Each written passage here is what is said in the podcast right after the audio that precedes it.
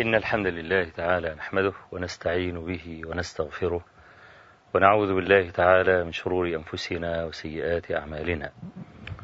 من يهد الله تعالى فلا مضل له ومن يضلل فلا هادي له. وأشهد أن لا إله إلا الله وحده لا شريك له وأشهد أن محمدا عبده ورسوله.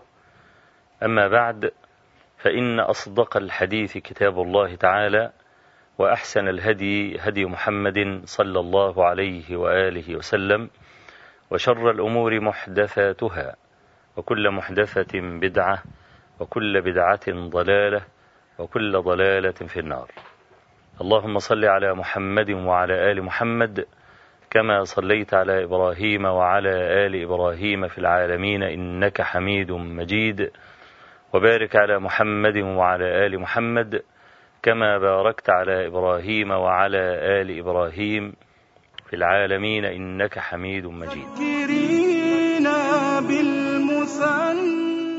يقول يعقوب ابن عبد الرحمن عن أبي حازم ما أحببت أن يكون معك في الآخرة؟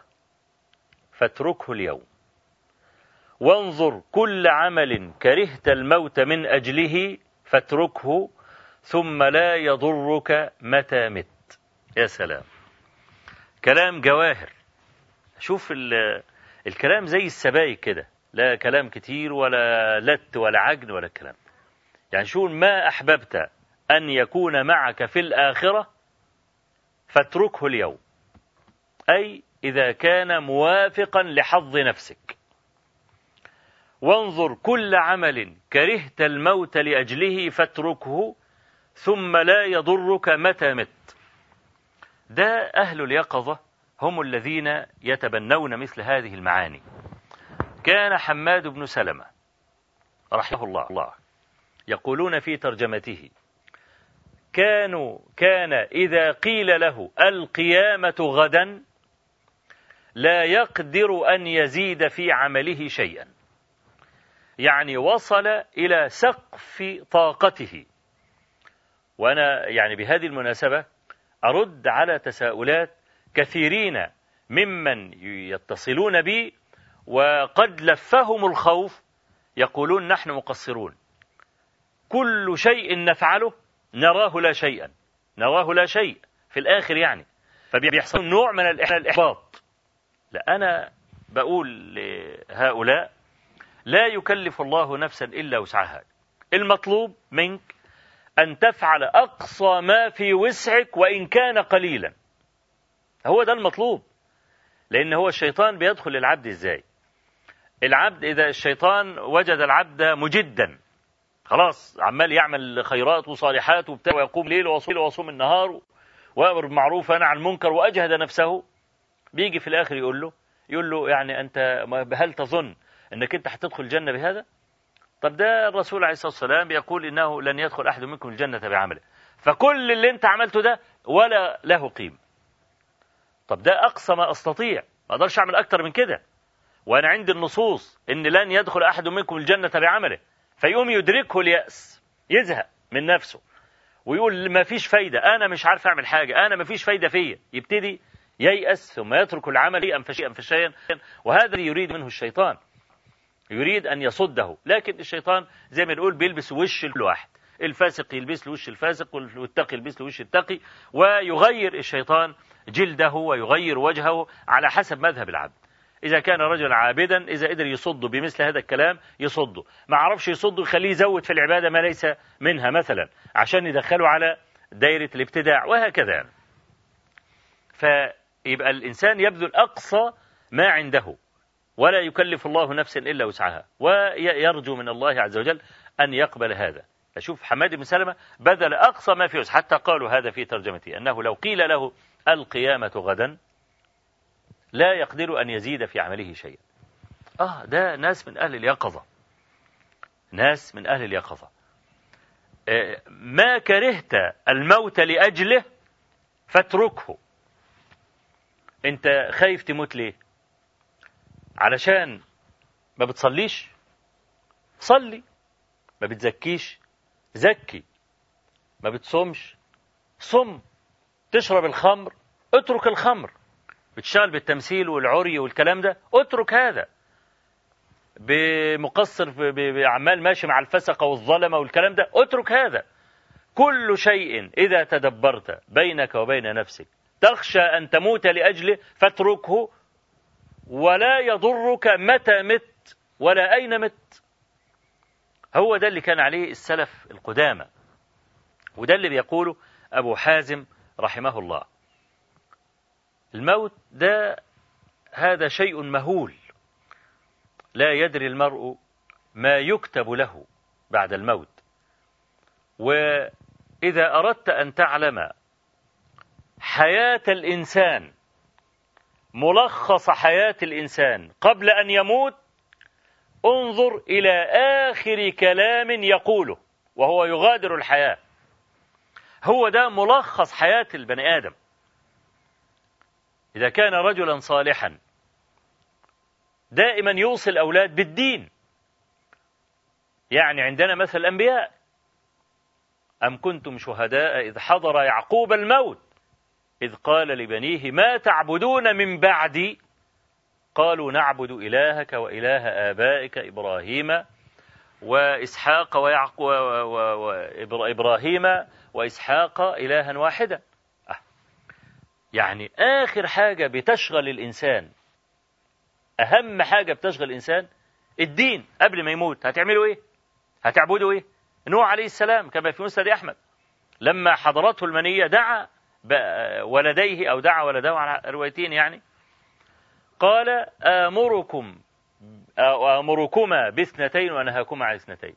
آمركما بلا إله إلا الله وآمركما بسبحان الله وبحمده. وأنهاكم عن الشرك والكبر. ده والإنسان بيموت. آخر كلام يقوله ده ملخص حياة الإنسان. غير لما يقول لي يا ابني المصنع والمتجر والبتاع وأنا ليا فلوس عند فلان وليا شيكات عند علان وليا مش عارف مين والكلام ده. هي حياتك كانت كلها كده. طاير في الهواء الطائرة ما بينزلش على الأرض إلا لما يشوف المصنع والمتجر وعمال يلف في بلاد الدنيا كلها عشان يعمل صفقات وإلى آخره والكلام ده.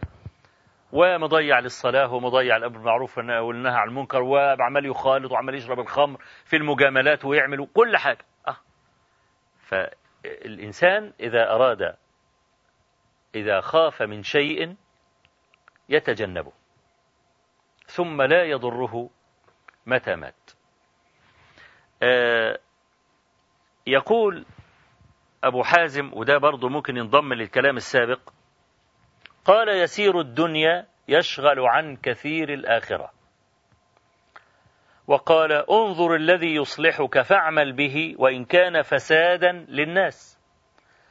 وانظر الذي يفسدك فدعه وإن كان صلاحا للناس. يقول يسير الدنيا يشغل أو يعني يشغل عن كثير الآخرة أو يعكر عمل الآخرة. أنت عارف ال ال الكلام أبي حازم ممكن نشبهه بإيه؟ لو إن فيه آآ آآ مثلا آآ إناء كبير من زجاج وفيه ماء رقراق صاف.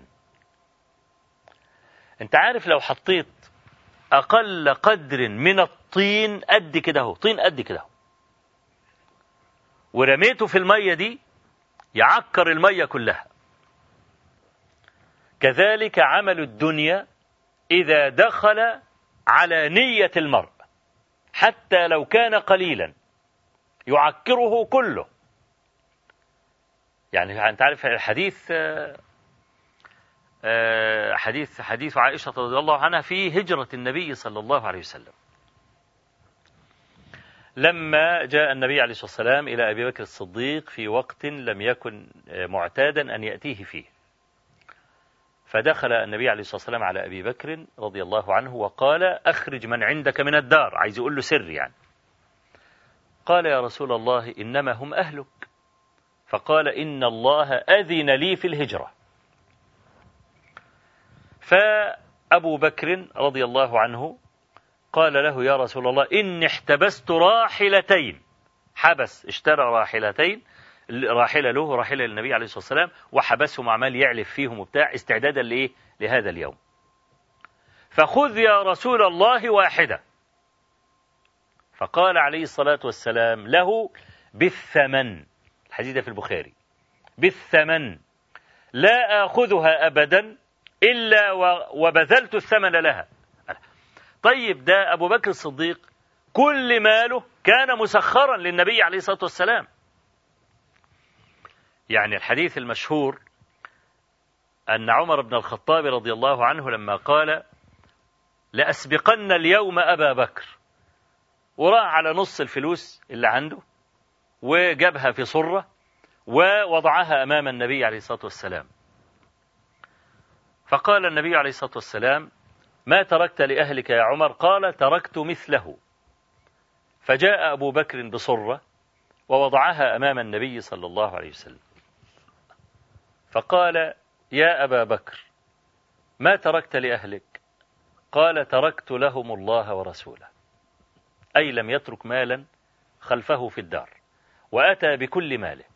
فقال عمر لا جرم لا أسابقك بعد اليوم أبدا. أبو بكر ده سماء سماء لا تلحق. والرسول عليه الصلاة والسلام في حديث أبي سعيد الخدري الصحيحين لما يقول لما صعد النبي صلى الله عليه وسلم المنبر وقال إن عبدا خيره الله بين زهرة الحياة الدنيا وبين ما عنده فاختار ما عنده. فتعجب أبو فبكى أبو بكر وقال نفديك بآبائنا وأمهاتنا يا رسول الله. قال أبو سعيد فتعجبنا من الشيخ. إن النبي صلى الله عليه وسلم يخبر أن عبدا أن عبدا خيره الله بين زهرة الحياة الدنيا وبين ما عنده فاختار ما عنده وهذا يبكي. لماذا يبكي؟ قال وكان أبو بكر أعلمنا برسول الله صلى الله عليه وسلم وكان رسول الله صلى الله عليه وسلم هو المخير. فقال النبي صلى الله عليه وسلم لو كنت متخذا من أهل الأرض خليلا لاتخذت أبا بكر خليلا. في بعض طرق هذا الحديث ذكر النبي صلى الله عليه وسلم منة أبي بكر. وكيف أنه بذل ماله في الوقت الذي شح فيه غيره. فكل مال أبي بكر رضي الله عنه كان مسخرا وكان تحت يد النبي عليه الصلاة والسلام. طيب ليه بقى في الهجرة الرسول عليه الصلاة والسلام لم يقبل هذه العطية من أبي بكر رضي, رضي الله عنه وقبل المال قبل ذلك؟ وقال له بالثمن. ليه؟ لأن المال الذي كان يتلقاه النبي صلى الله عليه وسلم من أبي بكر قبل ذلك كان يبذله للمسلمين ويبذله للدين. إنما الهجرة هذا عمل بدني خالص لا يجوز لأحد أن يشرك صاحبه فيه.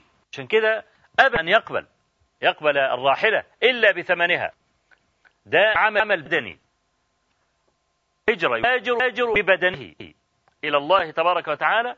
يبقى الركوب اللي هو راكبها لابد أن تكون من خالق مال صلى الله, الله عليه وسلم. كل شيء يبذله المرء لله تبارك وتعالى فليحرص على ألا يخالطه شيء من الدنيا حتى لو كان بمثل ما فعل أبو بكر أو مثل ما فعل النبي صلى الله عليه وسلم مع أبي بكر رضي الله عنه. وعندنا برضو آه، حديث آه، في الصحيحين.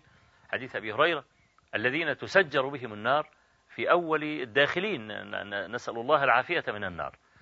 اللي هو شهيد وقارئ وعالم ورجل جواد كمان.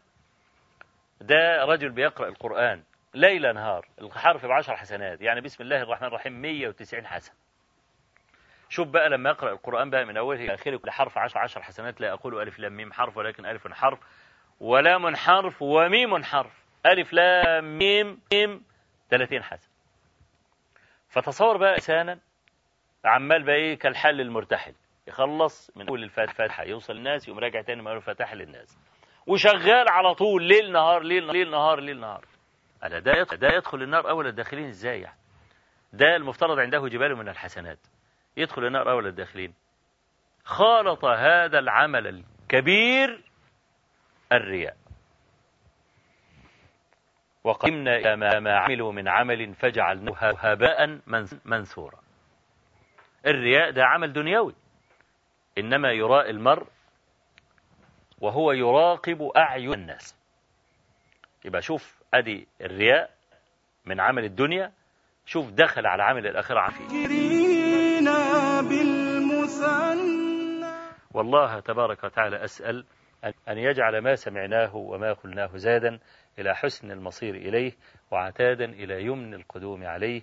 إنه بكل جميل كفيل وهو حسبنا ونعم الوكيل. وصلى الله وسلم وبارك على نبينا محمد والحمد لله رب العالمين.